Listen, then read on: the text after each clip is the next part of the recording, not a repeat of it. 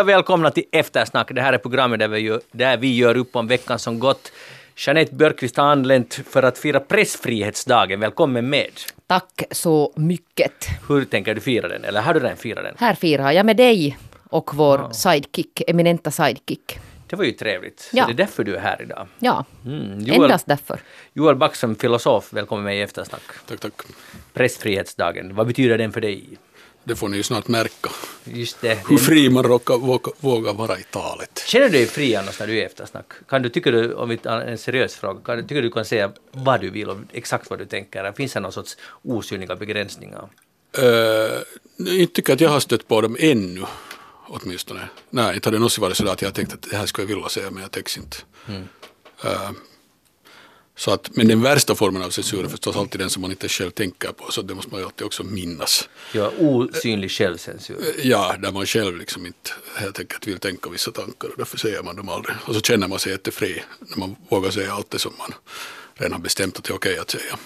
Men det är ju jättesvårt att veta om man, svårt. man inte ens tänker de där tankarna. Ja. Eller tänk, var det som man tänkte dem eller man inte tänker Det är ju inte? sådär, det är ju sådär som med självbedrägeri alltid, att på ett sätt vet man och på ett sätt vet man inte alls. Att sen när man inser att man har bedragit sig själv så kan man inse att egentligen har man alltid vetat det här men man har bara aldrig tänkt på det. Puh. Är det inte ungefär så det Ja, går? det, jag, funderar på hur fria vi är egentligen, Jeanette. Känner du dig fri? Alltså Det där, no, nu gör jag ju det, nu- vi lever nu trots allt i Finland. Ja. Men, men det väldigt ofta är det ju förstås så att man nog är mycket medveten om det också. Att det börjar kännas obekvämt när en viss fråga kommer upp till exempel. Så då är det ju förstås på ett annat sätt. Då är man ju medveten om att här finns något eh, som man har problem med att tala öppet om. Men sen, sen när man blir obekväm och sådär eller tycker att det är pinsamt eller sådär så är det ju å andra sidan ett sätt att inte vilja tänka vidare på att vad är det som gör att det här är pinsamt. Utan ingen vill ens tänka vidare på det. Låt, vi byter samtalsämne. Sådär. Och då är man ju på ett sätt jättemedveten om att här finns något som man borde tänka på men som man sen vägrar att tänka Aha, på. vi måste vara uppmärksamma på när vår programvärld vill byta samtalsämnen. Att Just det det. handlar det om. sker Sätter ofta. dit honom. Censurerar du dig? Och det händer ganska ofta per program Ja. att vi går vidare. Ja. Ja, ja, Nu går vi vidare. Ja. Jag heter Magnus Lundén, program alltså Eftersnack och det blir jättepinsamt just det där. Vi ska göra upp om veckan som gått. Uh, jag tänkte faktiskt ännu tala lite om pressfrihetsdagen helt kort. Uh, 251 journalister sitter fängslade för sitt jobb, rapporterar man nu, uh, sådär ungefär i alla fall. Och under 2018 blev 84 journalister eller mediemedarbetare mördade. Det är länder som Afghanistan och Turkiet, men också USA och Nordirland har det skett dylikt. Hur mycket medveten är du om det här, Jeanette? No, jag är nu jättemedveten och det är nu säkert alla journalister Mm. medvetna om. Tycker du att det har blivit hårdare klima- klimat, också här i Finland? No, ja, nu sägs det ju att det har blivit och sen det där talar man ju gärna alltså om, om ett hårdare klimat i Finland och så är det alltså. Att, att det har blivit hårdare. Men, men sen att, att dra jämförelser, här till exempel hur det är att jobba som journalist i till exempel ett land som Afghanistan, så det är ju två helt skilda universum. Joel, pressfrihet. Eh, Ja, nu, nu är det ju som Jeanette säger förstås att det är två helt skilda universum. Att här är det ju inte så att man blir, här är det just mera självcensur till exempel som, eh, som gäller och inte att någon kommer och skjuter ner dig framför ditt hem. Så det är ju en viss skillnad. Men man kan Men- bli men- säkert trakasserad nog. Ja, det kan man ju bli. Näthat och så vidare. Jo, och det finns det ju alltså det där flera fall av, av sånt. Och alltså mordhot också. I, bara i Turkiet, jag tror att det var 60 eller 80 journalister som sitter fängslade för de har just sysslat, skrivit om politik, till exempel kur, kurdfrågan. Och sen löser myndigheterna genom att sätta en helt enkelt i fängelse. Det är ju behändigt på så sätt att de är, skyfflas undan för en stund men men jag undrar, kan det funka i, i längden en sån taktik? Nu till exempel maktpartiet i Turkiet förlorar ju ganska mycket i senaste val. Man kan sen spekulera vad det beror på, men oftast är det ekonomiska orsaker. Men tror du Joel att ett sånt här samhälle kan hålla i längden? Men så där har det nu varit i Turkiet. Alltid vad jag vet. Sant. Ungefär det är lite, makthavarna har lite skiftat. Men så att, att ingenting funkar ju i längden på det sättet att eh, tusen år håller nu ingenting. Men om det redan om det håller hundra år så är det ganska illa. Så att på det sättet, jag menar inte nästan alla samhällen sådana att egentligen så fattar man inte hur kan det alls funka. Men det är just så det funkar. Det är liksom så här omöjliga spänningar som man lyckas leva med. Alltid längre än man skulle tro. Så att det där. I Turkiet bygger det mycket på ekonomi säkert, att, att om medelklassen eller lite över och lite under, om man vill använda sådana termer, har det någorlunda okej, så då håller man missnöje på mattan, under Ja. mattan egentligen. Ja, ja, och där finns ju hela den där spänningen förstås mellan sekularism liksom och, och någon sorts mera islamsk, uh, de som vill ha, skulle vilja ha ett mera islamskt Turkiet, så, som ju, det är ju en riktig liksom olöst spänning där som, uh, som finns hela tiden. Och militären har ju alltid varit stark, den är ju nu inte lika stark som den var tidigare, men så att där finns nog allt möjligt förstås. Um. Men, sen, men, men igen, så alla samhällen har ju någonting av sånt där att, att, man, att det finns saker som, är liksom, som man helt enkelt inte får säga, olika tabun.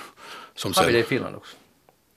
Eh, ja, nu finns det väl helt klart. Eh, jag menar för att nu ta så här uppenbart exempel där det ändå liksom visar sig ganska klart, det är ju så, är, liksom invandringsfrågan. Nu är den ju sån där det finns tabun från många olika håll, beroende på till vilken gäng du råkar höra så finns det saker du inte kan liksom våga ta upp kanske med dina kompisar ens om du skulle råka plötsligt börja tänka i vissa banor som de anser att så kan man inte tänka. Fast jag tycker att just den frågan är ju nog en sak som har diskuterats alltså väldigt mycket på, på vissa villkor ganska länge.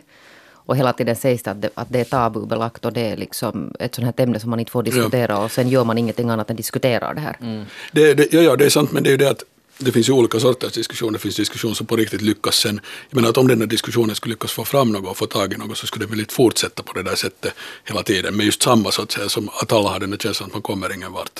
Att det finns något som på något sätt inte, ingen vill kanske artikulera riktigt. Det, men, men det är sant att den är förstås annorlunda. Att sen finns det sådana tabun som är sådana att ingen kan ens nämna ett ord och det liksom genast så blir man utfryst till exempel. Det är klart att invandrarfrågan är inte en sån mm. Jag tycker att i den debatten så får man kränka och hålla på och göra vad man vill och, och, och det görs också.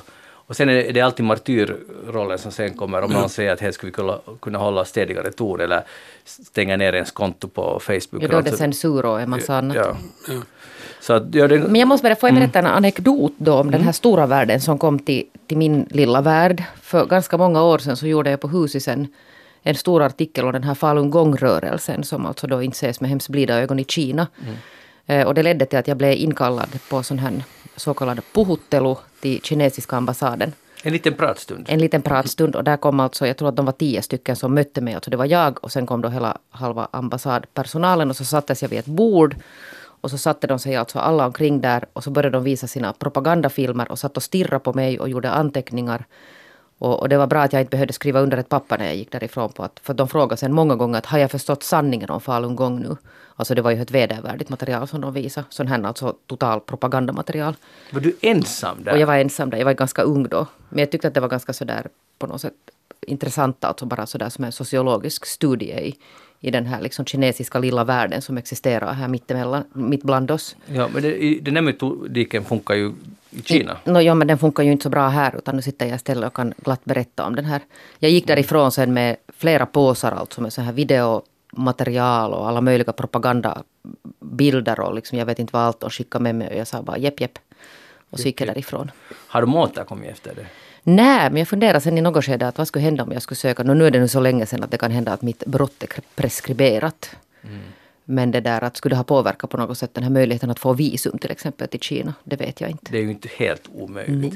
Mm. Till exempel om du skulle vilja göra reportageresa om falungong-rörelsen som lever Eller överhuvudtaget liksom människorättsfrågan ja. i Kina känner jag ja. att jag kanske inte är först på listan. Nej, nej men du, du måste bara ordna ett OS till i, i Kina så då blir det bättre. Då, då fixar sig allt. Ja, det blev ju redan bättre, blev ja, det inte? Ja, ja, jag menar just det. Men det skulle bli ännu bättre och lite mer än skulle kunna fixa dit så skulle allt bli bra.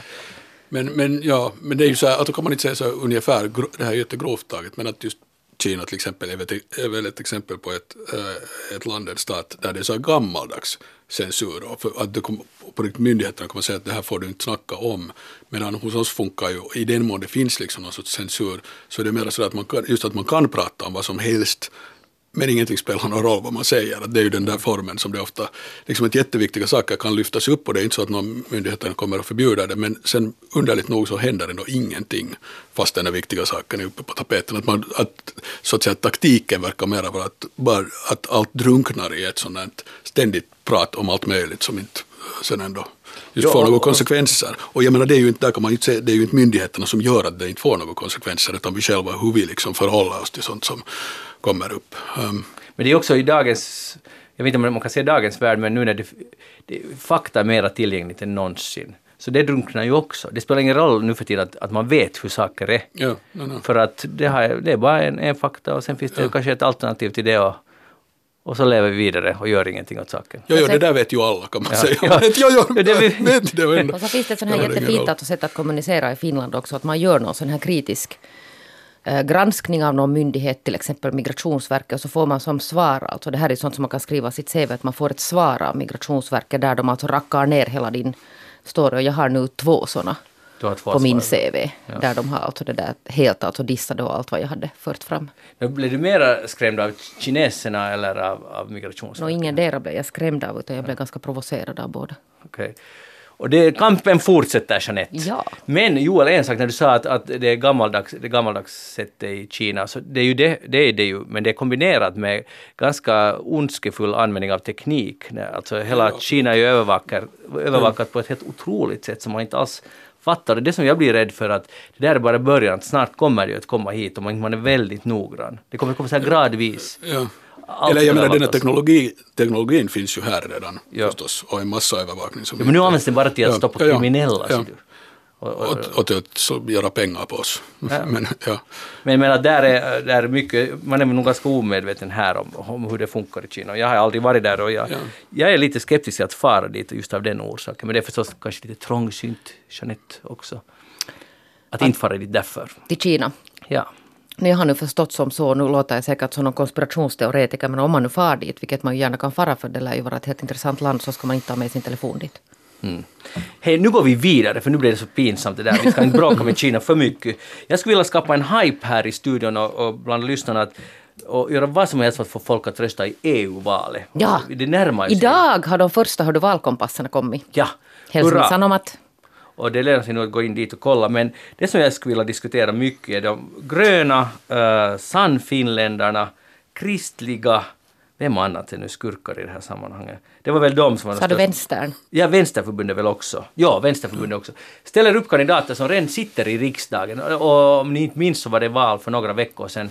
De sitter tryggt i riksdagen och nu vill de också ställa upp i Europavalet. Och som Huhtasaari sa för Sannfinlän- Sannfinländarna sa hon att jo, men det är folket som ska välja var de vill att jag ska jobba. Och med den här ursäkten går man då till val fast man redan är invald. Vad tycker ni om det här, Jeanette? Men det var ju alltså dessutom den här Merja Kyllönen, för att nu inte någon ska säga att vi bara sparkar på Sannfinländarna, så hon sa ju att hon ställer upp men hon kommer inte att ta emot den här platsen. Hon är egentligen där bara för att få röster. Mm. Och det är för att bereda väg för Silvia Modig, om jag Ja. förstod rätt, som inte blev invald i riksdagen här. Joel? Ja, nu, nu är det ju klart att det är en ganska underlig uppställning. Att man, ja, men båda de där uppdragen är väl jätteviktiga så det är ju helt absurt att liksom bli invald och sen inte ta emot det. Och, och nu är det ju också absurt om någon meddelar i förväg att den inte kommer att ta emot det. Eller att, och ändå blir, liksom, om sen folk röstar på den så, så å andra sidan så kommer man ju undra att... Men då har ju menar- folket på något sätt, kan man hoppas, gjort sitt val. Att de är medvetna ja, ja, om Ja. Men ursäkta, jag tycker Men- att till exempel en sådana personer som ställer upp i båda borde få noll röster. Eller borde vara jättetydligt från början att, uh, eller egentligen så, alltså man kan ju inte förbjuda, eller man borde kunna förbjuda. Jag tycker att, att om man sitter i ena så ska man sitta där. Det är ju det man har blivit fått sin röst för. Inte kan, inte kan alla, om, i bästa fall kan man ha fått eh, fler, mer än 10 000 röster. Inte vet alla om att de kanske tänker ändå flytta Nej, och till Bryssel alltså- sen om de får tillräckligt många röster. Nej, och det handlar ju alltså bara om att fiska röster till partierna, vilket någon nu försökte så där förhålla sig förstående till. Att det är svårt att få sådana namnstarka Eh, kandidater och då tar man alltså någon till exempel Merja Kyllönen som hade alltså stor succé förra valet. Så det är liksom egentligen för att plocka poängen, men jag tycker också att det är, det är lite sån här falsk marknadsföring. man måste nog bygga upp sin kampanj på något sätt. Jag menar, här är flera partier, Socialdemokraterna, Samlingspartiet, Centern och SFP har inte den här metoden. Utan de, de, de, de som ställer upp, i alla fall vad det står i tidningen, um, vad det nu Iltalehti, jag läste det här i, så har inga kandidater som, inte, som skulle sitta nu redan i riksdagen. Det här är ärligt och, och mot väljarna. Det är Sen enda är det väl så, så, så där som vissa sa, har sagt att det, jag är med små partier har så svårt, men okej om man är så liten så då måste man prioritera på något sätt. Ja. Att var, var sätter man sina eh, resurser? Och sen är det ju underligt att man, att då är det som om folk liksom röstar på de här namnstarka kandidaterna, men sen är det rösterna går liksom till partiet. Att om, om nu folk skulle vilja ha det där partiet dit, så då borde de kunna ställa upp mindre namnstarka kandidater, som ändå blir invalda. Och grön, exakt, och Gröna hade en sån förklaring, att det var någon av deras yngre kandidater som sa, förklarade ja, det, vi måste ha hen, vem det var, det spelar ingen roll, för att, för att han, han tilltalar ungdomar och vi måste få ungdomar att rösta. Det här var liksom ursäkten. Förklaringen till att vi ställer upp en kandidat som redan är invald i riksdagen. Det är ett helt otroligt dåligt argument. Ställ nu upp någon annan ung kandidat då som talar ungdomens språk. Att, att allt det här är, det, det är hyckleri. Om man lockar liksom ungdomarna att rösta sitt första val genom att lura dem. Det först, första de får lära sig hur demokratin funkar. Rösta på den här typen som inte ska komma att sticka dit. Eller som, Oj, oj, oj. Men trots detta skulle det ja. vara viktigt då att rösta. Så kanske man kan då överväga att rösta man på någon som på riktigt är på väg dit och vill fara dit. Det är den första. Men ja. har, du, har du redan bestämt Jeanette vem du tänker rösta på? Nå, kanske. Jag har inte riktigt nu liksom det där kommit åt de här alla kandidaterna och det där. Och nu ska jag ju börja då med min valkompass, den här orgie. Jag har nu hållit på där, på de här svenska kanalerna och gjort deras valkompasser i väntan på våra inhemska. Äntligen börjar de. Joel? Ja, nej, jag har inte fattat mitt beslut ännu, men bara en sak till. att Det var ju sen å andra sidan lite, lite underligt när man säger som äh, folk har sagt att det, ja, det här är dåligt för konsumentskyddet för väljaren. För det första att man talar om väljare som konsumenter, liksom att de kan man skydda. Men sen att om man är så dåligt insatt att man inte har en aning om att ens kandidat inte kommer att liksom, ta emot jobbet eller vad än det är, så jag menar, då får man ju å andra sidan lite skylla sig själv. Att nu det, det, här är det just som, det borde gå så att de som ställer upp dubbelt så de får inga röster. Så skulle de ju lära sig. Så att säga. Det är väl här som nu folk ska visa vad de accepterar och inte accepterar, alltså väljare. Så att på det sättet är det ju också lite daltande med, med väljare, att säga att ja, men det, här, det här är ju fräckt mot dem, att de blir liksom lurade. Att om man vet så dåligt att man blir lurad så får man väl ta mm, skammen själv. Vinkling. Finns där inte en sån aspekt också? Jo, men då, ja om man, blir, om man är så dum att man blir lurad så ska man bli lurad. Jag håller inte helt med om det. Man ska inte luras. Nej, nej man ska inte luras förstås, men det var inget försvar för den här, deras taktik. Men det är också ja. underligt att liksom säga att stackars väljare, att nu blir de ju helt, helt lurade mm. och bort, bortkollade. Jag menar på riktigt om man inte ens vet om sin egen kandidat, en sån där viktig sak, så. Är det ju lite underligt. Sant. No, men, uh, men huvudsaken nu att man går och röstar, men det här hinner vi ju återkomma till. Hinner, och vi kommer att återkomma till det många gånger. Nu ska vi gå vidare till Hussein Al-Taei som har varit, blivit sjukskriven socialdemokratisk eh, riksdagsledamot. Blev invald. Det har varit mycket snack om honom den här veckan därför att det har visat sig att hans Facebook-skriverier, eller det har visat att de är, sanna. Han, under valkampanjen sa han att nej, det är nog inte hans uh, Facebook-skriverier som innehåller... Alltså han känner inte igen dem? Han känner inte igen dem. Där, där, där ingick ganska mycket förskräckliga texter om homosexuella, om, om judar och, och om... Uh, och det var nog allt möjligt. muslimer. Ja. Somalier. Somalier.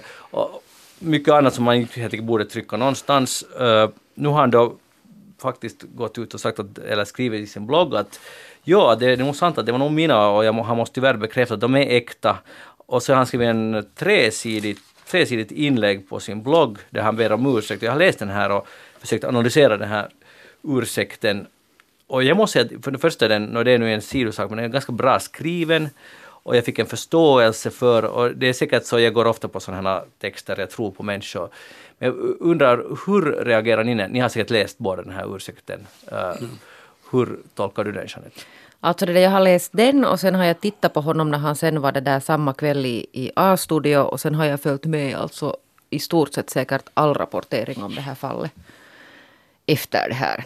Och det där nu när det är fredag så börjar jag vara så där att jag måtte är ganska rågat för att den här hur allt det här alltså sen uh, utvecklades så är bara väldigt, väldigt ledsamt. Vad menar du? Nu? Jag trodde ju alltså, jag, jag uppfattar också den här, alltså om jag återgår nu till hans den här ursäkten, så uppfattar jag ju nog det som, och han framstod också i A-studio som, som det där uppriktigt ledsen. Ångerköpt, var han ångerköpt? Ångerköpt också. Mm. Och, och, på alla sätt liksom. Och sen sitter man, nu har man ju fastnat då i det här att, att vad är nu det allra värsta? För att det, det är liksom nu säkert det värsta någon någonsin har gjort om man liksom tror på en del av de som deltar i den här debatten. Är det det att han har skrivit de här någon gång? Han har redan stämplats i kvällstidningarna som rasist. Och då kan jag säga att man får göra ganska många saker i det här landet utan att bli kallad för rasist. Mm. För att det är ett ord som inte de brukar, men han är nu alltså i kvällstidningarna där helt nu omnämnd som rasist. Eller är det det att han, att han liksom ljög, vilket han ju själv alltså då erkänner också, att han ljög under valkampanjen mm. om de här texterna när de hämtades fram. Och det är nog oklart för mig att vilket är nu hans värsta brott här. Mm.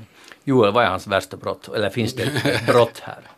Eh, alltså, för det första skulle jag hålla med att, den där, att det, det, finns ju något otroligt obehagligt i den här sortens sen debatter, att här sitter vi liksom och är någon sorts domstol över en enskild människa, vad den har gjort. Att det liksom, vad är hans värsta brott? Jag menar, att man kan ju fundera på vad man själv har gjort också. Men, mm, men det är klart att här finns både det här att nu är de där sakerna som han eh, skrev då, så för, visst var de ju helt klart rasistiska många, så här, bara, men hur, hur allvarligt det där är sen att man slänger ur sig något, så det är ju en annan fråga. Och sen Å andra sidan det att han ljög nu var förstås otroligt dumt kan man ju åtminstone säga. Att varför kunde han inte säga det som han nu säger alltså, i den här ursäkten? Skulle han ha sagt före valet så skulle det, han, för att vad han där lyfter fram som var, tycker jag är viktigt att han, att när han nu och, och igen, jag menar, om jag fick så en känsla att jag nog tror på vad han säger i den här texten. Jag menar. Alltså jag säger att, att dumt och sen liksom på, no, på något plan ändå också ex, jättemänskligt.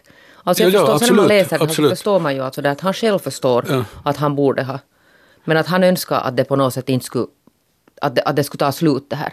Mm. Klart att man förstår att man har gjort något som man verkligen skäms över och man skulle verkligen inte någonsin vilja att det kommer fram och sen dessutom så kommer det fram just precis under valet och förstås och så tänker han att allt kommer att rasa. Jag tyckte det är också något obegripligt. Men förstås otroligt dumt för att eftersom han måste ju ha insett att det kommer att komma fram anyway. Och han skulle egentligen, jag menar det som han säger här i den här texten, att han liksom vet du, att han nu talar för uh, fred och försoning och försöker uh, på riktigt jobba för sånt. Ja, och, och att han gör det utifrån en position där han vet att han själv har hållit på varit i samma hatets träsk så att säga som, som alla människor som, som fortsättningsvis hatar judar eller sunnimuslimer eller vad det nu är.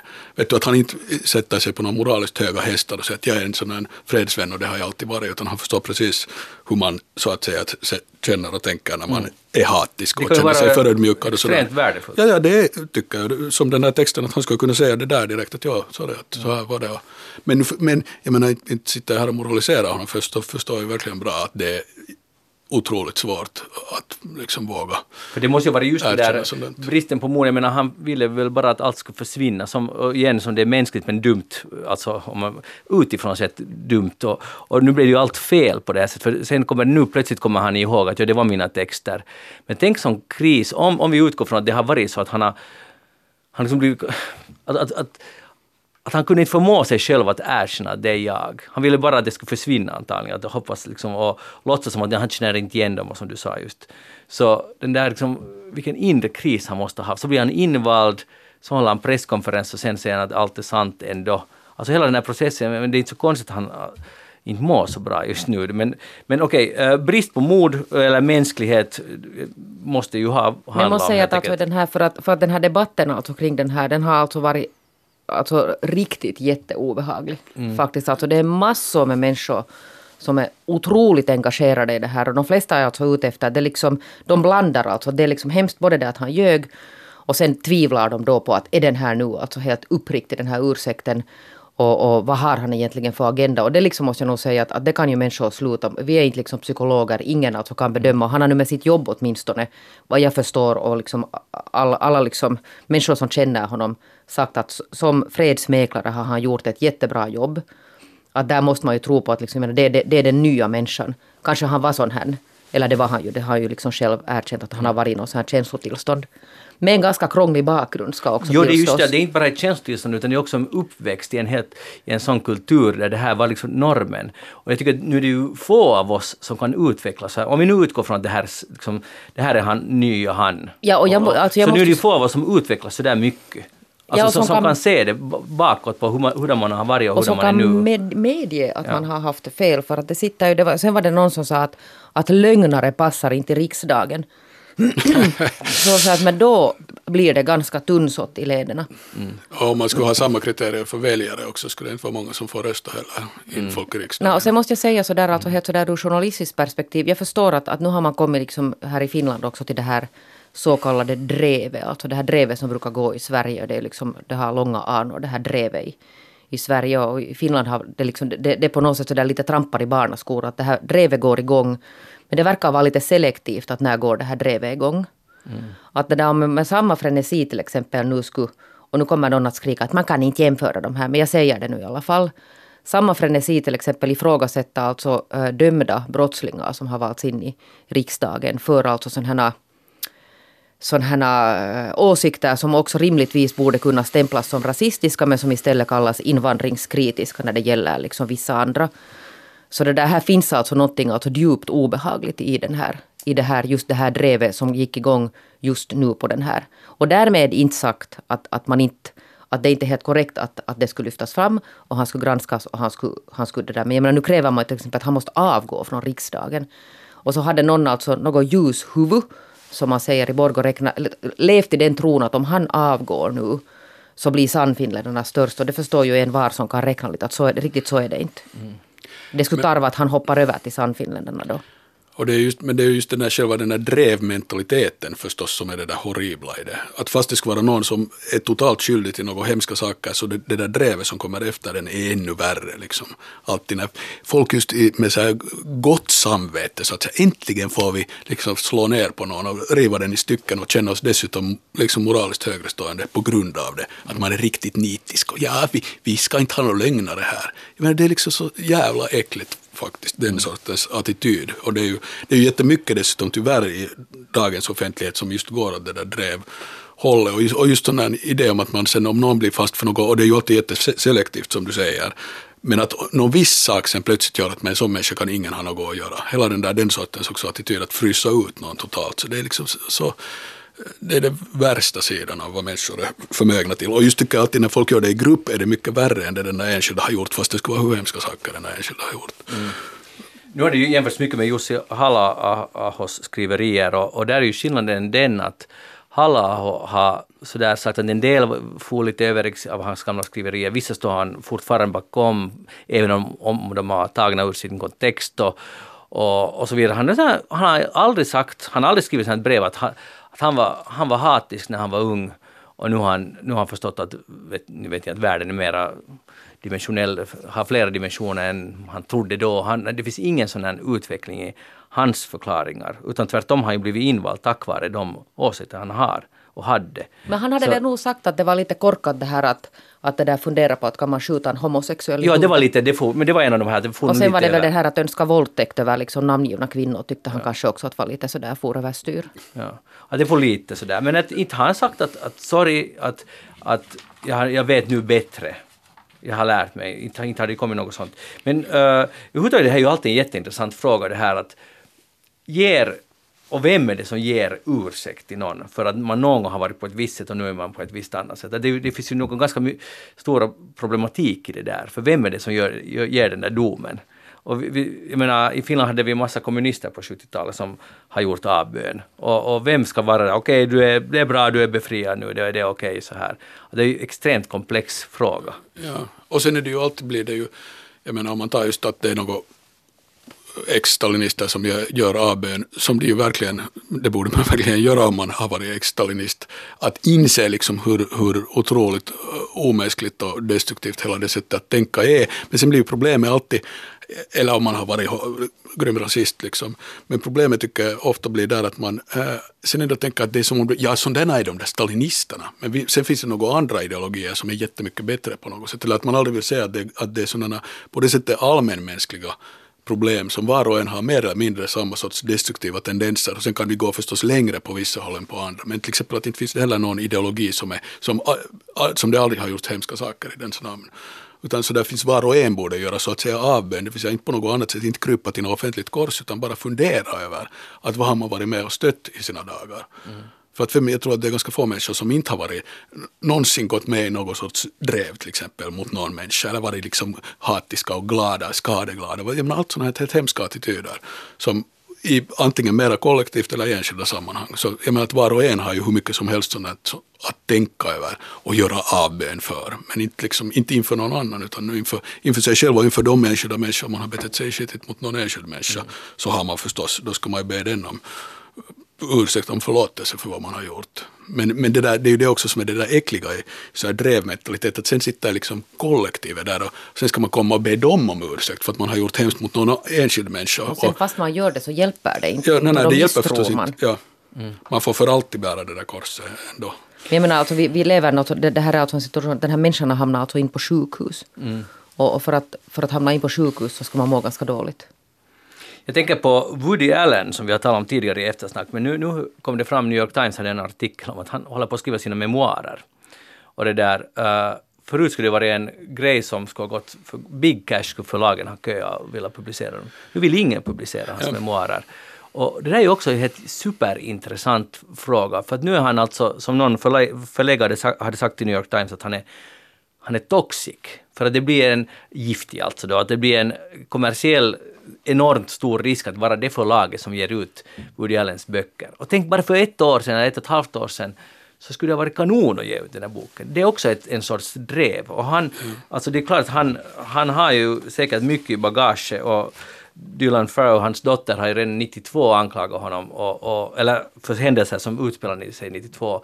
Och, och nu har de eller blossat upp på nytt i, i höstas. Men i alla fall, Eh, då, tidigare ville ingen tro på, på det, nu tror alla på det och nu är han giftig och nu vill ingen umgås, ha något med honom att göra. Det är också drev. Vad tycker du Joel? Ja, ja, alltså ett helt klassiskt exempel. Och just på det där att du är först jätteupplyftad och det ingår ju tyvärr i det att sen kommer du att vara förr eller senare liksom nerstött från den här piedestalen. Och det är ju just då där folk hurrar allra mest när du har varit riktigt uppburen och sen blir du riktigt nerstött. Så får man riktigt uppleva vilken makt vi har att lyfta, hissa upp och dissa ner helt, helt ansvarslöst.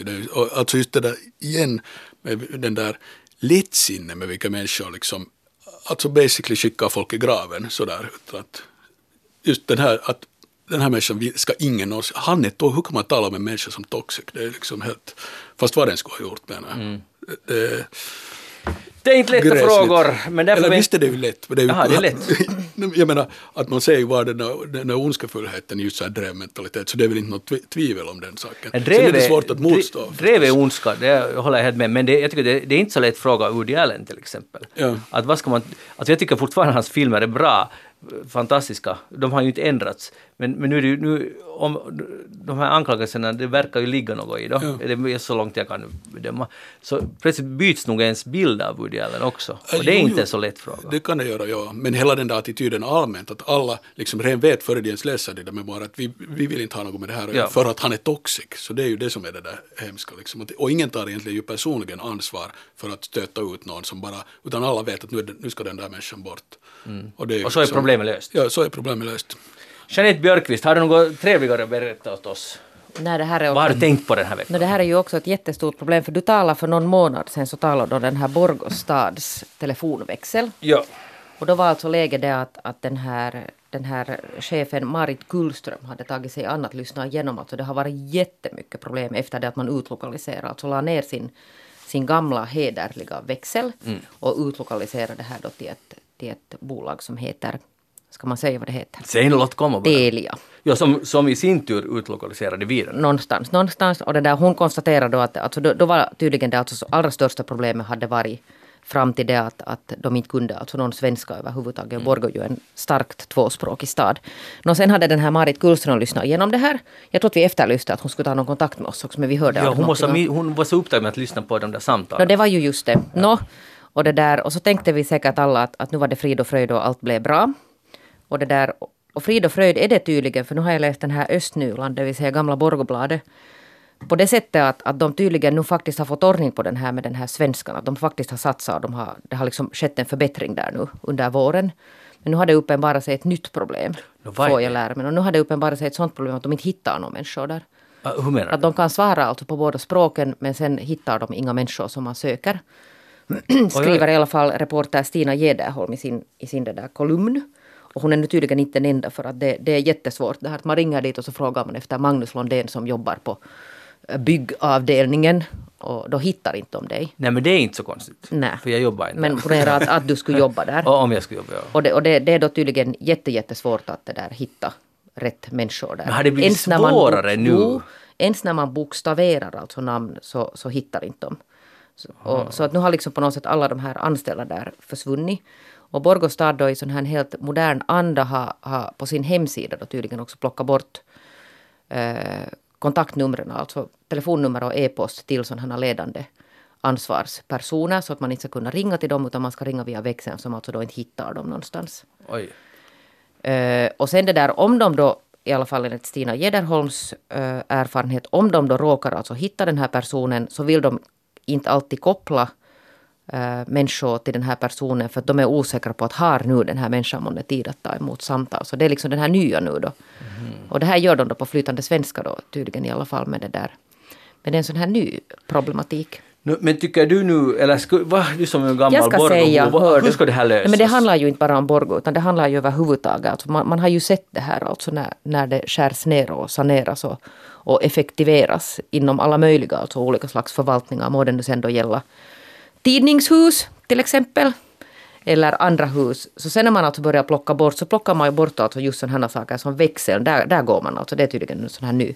Det råkar vi ut för på, på min tidigare arbetsgivare Hufvudstadsbladet.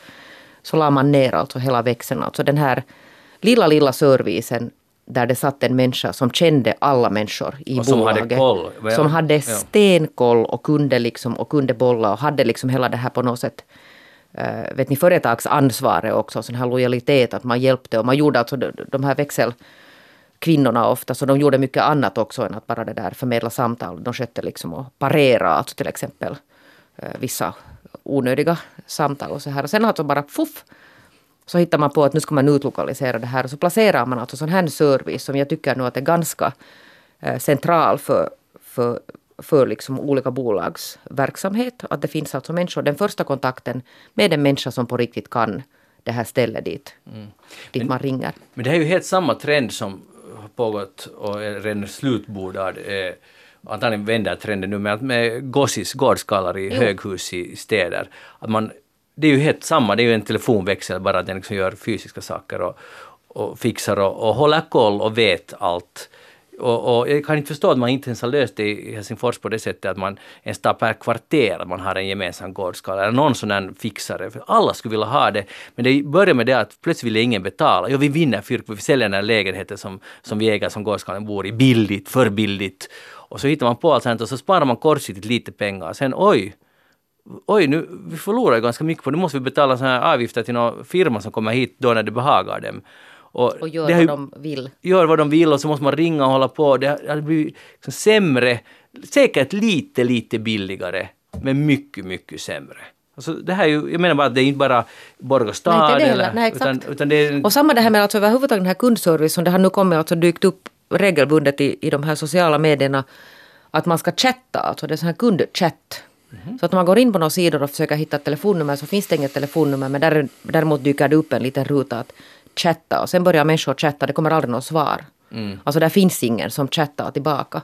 Ja, alltså det är det att de som har så chatt har ganska stort ansvar, de måste se till att det funkar också. För jag tycker att det ibland nog har funkat ganska bra. Jag tycker det är ganska trevligt att inte alltid måste snacka med människor. Och jag försökte någon gång alltså reda ut, jag hade fått en felaktig p-bot faktiskt. Den var på riktigt alltså felaktig. Va? Ja, och jag hade inte ens parkerat, det var inte alltså ens mitt fel.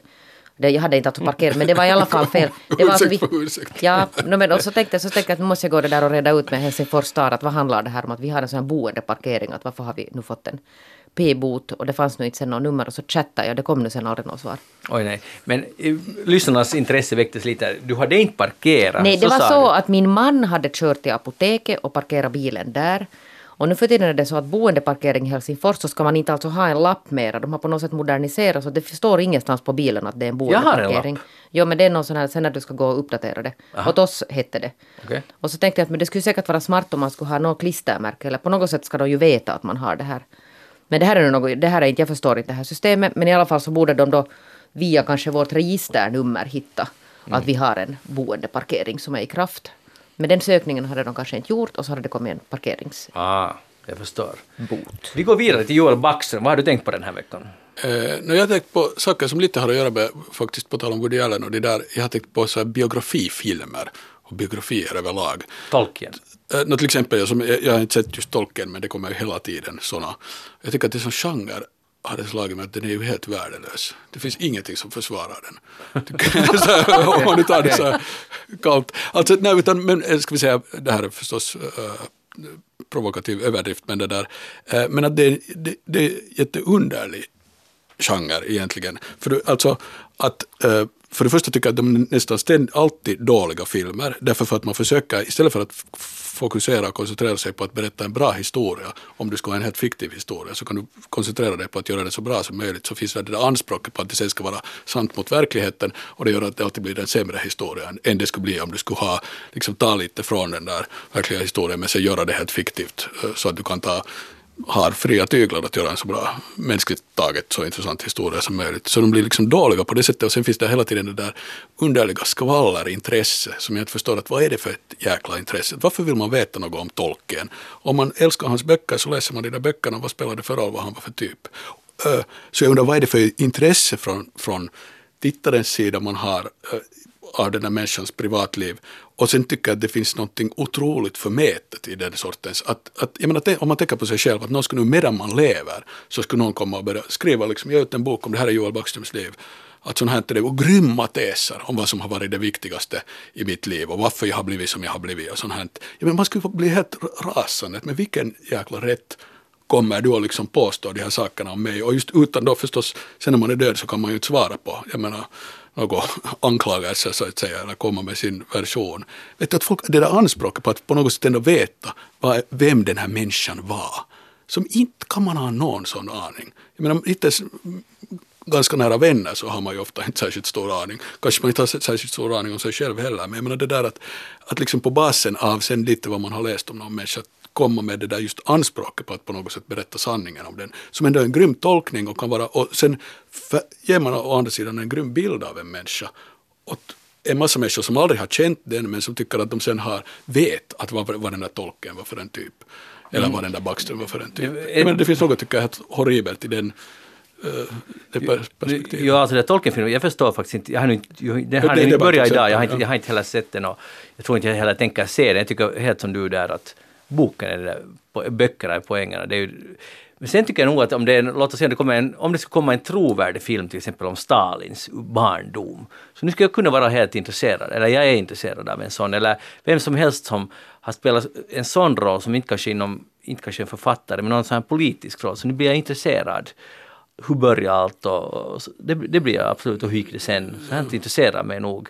Men problemet är som den där Bohemian Rhapsody till exempel om Freddie Mercury, så jättefin film. Och de, de här filmerna står mig lite mer, alltså fantastiskt fin och medryckande och så vidare men den är ju nog otroligt selektiv vad den berättar. Och det ska vara tillrättalagt så, så att också tonåringarna eller under 12 ska kunna gå och se på den. Och, och, och, och sen till exempel den här som störde mig ännu mer, eller mycket, mycket mer, den här Facebook-filmen som ju är en så halv på riktigt och halv mm. inte. Och, så, och jag går och ser på den för att veta hur grundades Facebook och vem är Mark Zuckerberg igen på riktigt. Men, men det mesta, alla sådana dramajutton där är påhittade. Sen är det mm. mycket som också är sant och då, då blir det för mig helt så confusing, att vad förvirrande, vad är sant här och vad är inte. Så det tycker, jag, det, det tycker jag är mycket värre än det som du nu tog upp här. Ja, nej, det är nu ett till argument för varför de aldrig borde göra sådana filmer. ja. det där, uh, men ja, att förstås blir det just en, en sån här underlig blandning av, av fakta och fiktion, men dessutom om man skulle säga att det är bara fakta som är vilken, med vilken auktoritet. Ja, och vilken fakta, man väljer ju alltid ja, fakta. Ja. Och när det är om enskilda människor ändå, så det är liksom, tycker jag på något sätt just Men gör du skillnad på sådana filmer och dokumentärer? Om det ska vara en dokumentär om tolken? Uh, eh, no, det beror på, jag menar klart man kan berätta sådana yttre fakta, att sån här, så här gick det och så där gick det, eh, det här gjorde han och det här gjorde han sen, men där också så undrar jag nog att vad är egentligen det där intresset? För det finns liksom hela det där att att vad tror man att man lär sig mera att förstå om, för allt, vare sig det är Tolkien eller Queen eller vad som helst, så de är ju intressanta därför för, för vad de har gjort, eller Stalin för den delen, för vad han gjorde så att säga, som var förstås helt fruktansvärt.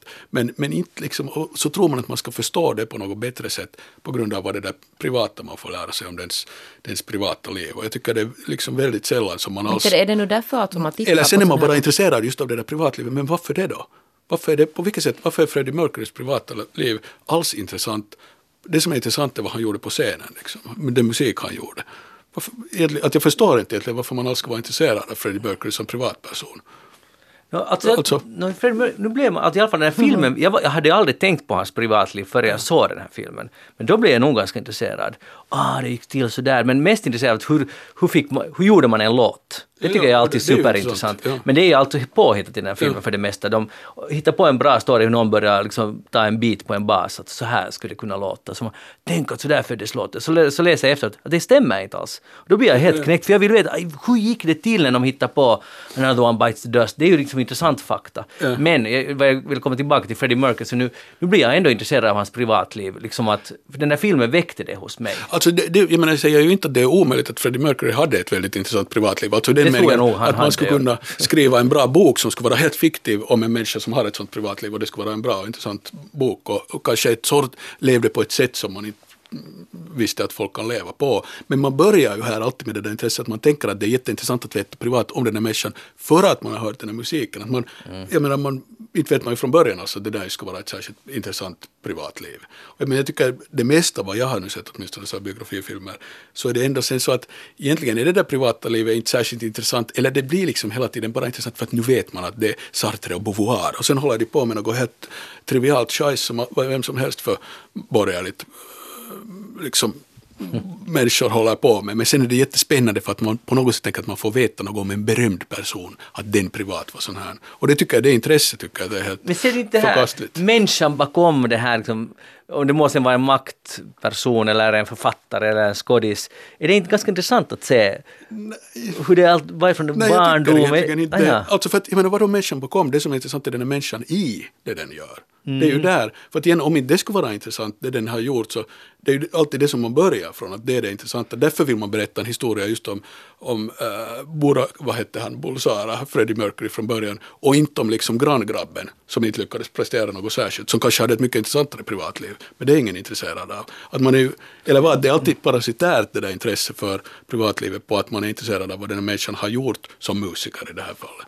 Jo, men man är intresserad därför att han gjorde det som han gjorde Ja, som musiker. Och varför vill man veta något om hans privatliv då? Jag fattar inte den här Men ser du kopplingen. vet Alltså, vad det är så att en del vill veta och andra vill inte och vi vill veta och du vill Ja, inte. ja, men jag undrar, vad är det ni vill, varför vill ni veta? Men jag tycker Det det, som nu är jag det, om vi nu tar nu Freddie Mercury igen, så nu är det ju nu är hans bakgrund ganska intressant. Det finns säkert hundratusen andra som har ungefär motsvarande bakgrund.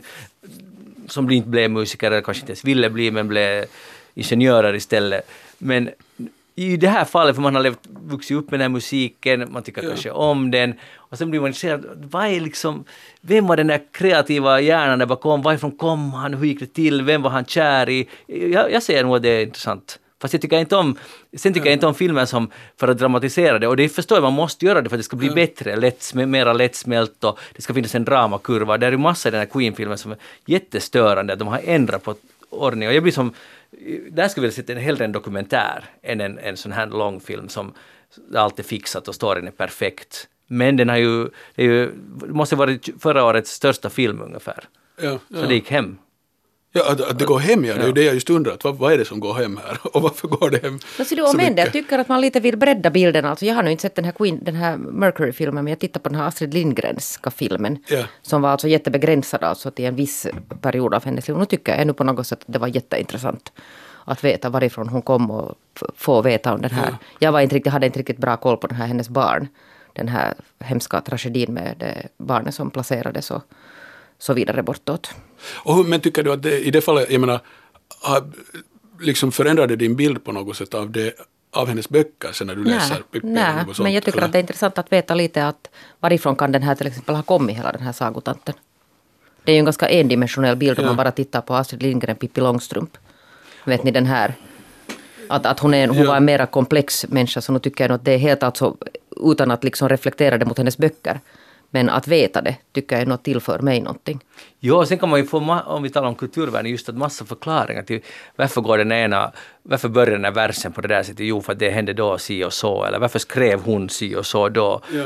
För att, det, ah, man förstår saker. Ja, ja, inte vill jag förneka att det, ibland är det ju så att man får veta något om en, en författares till exempel privatliv och att det på riktigt på något sätt kastar ett nytt ljus över några detaljer i de där böckerna eller på riktigt att man börjar helt på ett annat sätt tycka man förstår liksom själva det där, det där perspektivet i böckerna för att man får veta något om privatlivet. Men det skulle säga att det är undantag ändå. Och, och det är ju inte därför man vanligen är intresserad, tänker jag mig av det där. Utan man på något sätt finns det just bara ett sånt där som jag nu skulle karaktärisera som ett skvallerintresse liksom på något sätt. Och ändå ett, Men vänta, eh, Freddie Mercury till exempel, Ja. så, så den, den handlar ju ändå lite om utanförskap Ja. och att komma Ja, utifrån. Och den kan ju ge styrka till massa människor. Jag tror att många ungdomar säger att ah, det är liksom inte så paha att vara lite annorlunda eller eh, antingen se annorlunda ut eller ha andra intressen eller vad som helst. Eh, det kan ge grym styrka åt, åt folk. Ja, ja visst.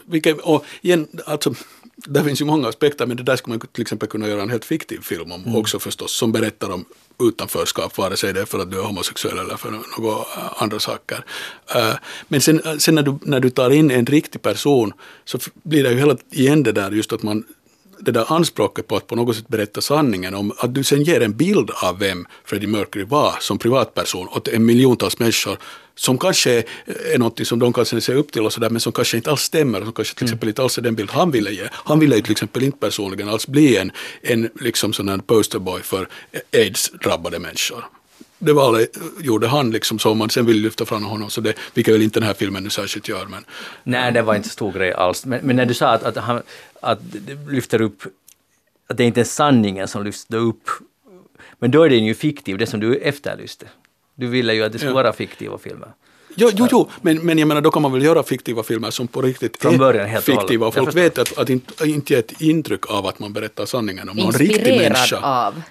Ja, Based on a true story. Vi går vidare. Vi kommer, härifrån kommer vi inte att lösa nu, men vi, ni får gärna diskutera vidare på facebook.com eftersnack var ni står i den här frågan. Jag vill gå vidare till svenska Yle. Åboland har rapporterat om att posten tänker sluta dela ut post i skärgården. Eller det, det vill säga, de tänker inte helt sluta, utan en gång i veckan ska man få sin post om man bor på ute i skärgården, dit man måste ha något som heter landsvägsfärja och det där och det här är möjligt därför att det finns en, sen 2017 tror jag var, en, ett tillägg i postlagen som säger att om det är tusen hushåll som är svårnåbara så kan man göra på det här sättet med.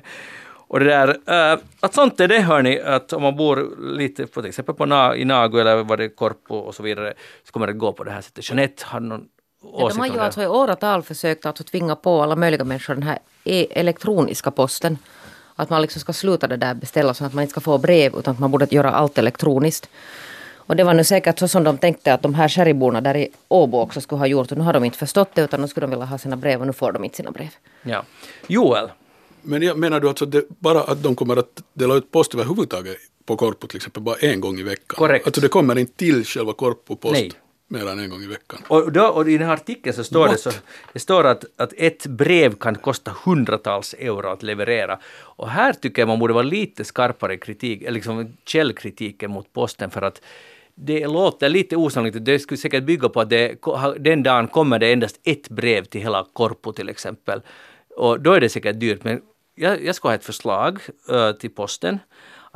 Om det är det där att, att det ska åka ut en postiljon och ta färjan och sen ta en färja till och oj oj vad det tar tid och så vidare så kan man inte bara göra så att man, det finns en postlucka eller en postbox där vid färgfäste och sen ger man eh, tju- tjusikan till färgkarlen så tar han det över och där på andra sidan finns en ortsbo som vill extra knäcka för det finns inte så mycket arbetsplatser i skärgården som delar ut posten och jag tror att man skulle få det ganska effektivt på det här och sättet. förr i världen, Sini. Ja, då hade vi råd.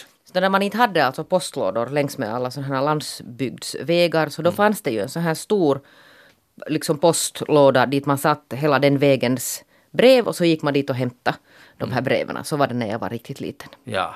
Men alltså nu är det alltså allvarligt talat ganska alarmerande det här för att nu ser ju posten, de skyller på det att de är ett företag. Och det är ju, jag förstår den som sitter där och bestämmer på posten, men nu måste ju, så länge vi, det är någon sorts rättighet att få sina brev, så länge det ännu finns något paket som skickas, det är ju det som är det svåraste, när man beställer någonting från nätet. Det finns inte så många, mycket butiker i skärgården, så måste nu posten fixa, då måste subventioneras vår fina nya riksdag måste säga att nu, nu räcker det. Alltså det måste ju gå så att det är lika, var man bor i det här landet så måste man få sin post. Var är. Centerpartiet nu? Var är Centerpartiet nu och vad var de då när den, den här lagen klubbades igenom? Ja, men tydligen följer det ju då alltså nu, nu lagen, påstår posten. Så Ja. det är ju så att det, Lagen, så politikerna har alltså bestämt att det här ska vara möjligt. Jo, jag, jag skulle säga att posten är inte alls skurkarna här. Utan det, det, det här är ju beslutsfattarnas fel. Att om, varför ska man, varför, hur kan det vara om man, är, om man har som skyldighet att dela ut brev i hela Finland så det är ganska svårt att konkurrera med de här uh, firmorna som bara levererar mest till Helsingfors och Tammerfors och så vidare. Det är omöjligt för dem att konkurrera. Skärpning, lagstiftare. Hej, andra goda nyheter. Det här på tal om vad man får och vad man inte får säga. Så jag läste om en forskning, University of Colorado, så de hade där forskar i folk som sportar mycket. Så kom de på att de frågade att använder ni marijuana? Och, och 80 procent av de här gruppen så sa att ja, de gör det faktiskt. Då blev de hemskt överraskade. Okej, men använder ni före eller efter? Så oftast både och. Och det, där, det här är alltså tio delstater i USA där det är tillåtet, det här är inget olagligt där. Och de tycker att, att man, blir, man sportar bättre och boosted recovery och, och höjer motivationen och så vidare. Och det här är ju intressant. Uh, jag känner inte alls till den här effekten, jag har aldrig testat den heller. Men att det där, har ni någon sån här omedelbar kommentar till det här? För min, min bild av folk som tänder på att de blir oftast ganska tråkiga och somnar som bort. Som tänder på, var det någon sån här slang? ja, det var inte kanske slang för 50 år sedan. Som röker på. Ja, som blir liksom, blir hemskt passiva. Jag hade aldrig kopplat ihop det med, med idrottande. Jeanette? Nej, jag hade nog faktiskt inte heller det. Jag har alltid kopplat ihop snus med idrottande, men inte den här marijuana. Men snus och idrott hör ju nog inte ihop. Nej, men inte det är många idrottare som snusar. Ja, exakt. Joel Backström. Ja, ja, det här är ju bra. Liksom att när man uppmanar sin son eller dotter att bli en sån här sportande renlevnadsmänniska så det här är egentligen, man leder in den på knarkets väg. Just det, det är öppna porten. Ja, man öppnar porten. Portteorin, det börjar alltid med att man börjar sporta och sen ja. snart tänder man på som du säger och vem vet var det slutar. Ska vi skriva nu någon sån här indignerade insändare och larma. ja, 80, att, larma om sportens Oroade föräldrar. Farlighet. Om ungdomen börjar sporta så finns det en risk att... Man, man vet vad det betyder. Oj, oj, nu kommer vi fått få mycket argsinta kommentarer. Det, där, det, var lite, det var lite skämtsamt det här. Det var lite skämtsamt. Uh, ja, då ska vi väl kanske börja småningom packa ihop, men jag vill säga att nu på måndag så kommer Mike Pompeo, vet du vem det är Jeanette? Det är USAs utrikesminister och Sergej Lavrov att komma till Rovaniemi för Arktiska rådets möte. Och sällan är två sådana stora klumpedunsar samlade på en gång. Och jag tänkte säga idioter, men jag sa inte faktiskt. Det är pressfrihetens dag. Ja, pressfrihetens dag. Att vi står värd för detta möte. och allt annat. Ja, men alltså de här de är bufflar båda två ja. på varsitt sätt. Och det är inte alls trevligt att de kommer hit, men det är väl bra att de träffas i alla fall. Eller hur Joel? Det är det säkert. Jeanette Björkqvist, tack för att du var med i Eftersnack idag och Kom ihåg portteorin om du går ut på länk den här, ja. den här helgen. Joel Backsund, tack för att du var här. Jag heter Magnus Lundén. Programmet alltså Eftersnack och ni får gärna fortsätta debattera alla dessa viktiga frågor på facebook.com eftersnack eller e-posta oss på eftersnack.yle.fi om ni har någonting på hjärtat. Och då önskar jag er en trevlig helg. Hej då och ha det bra.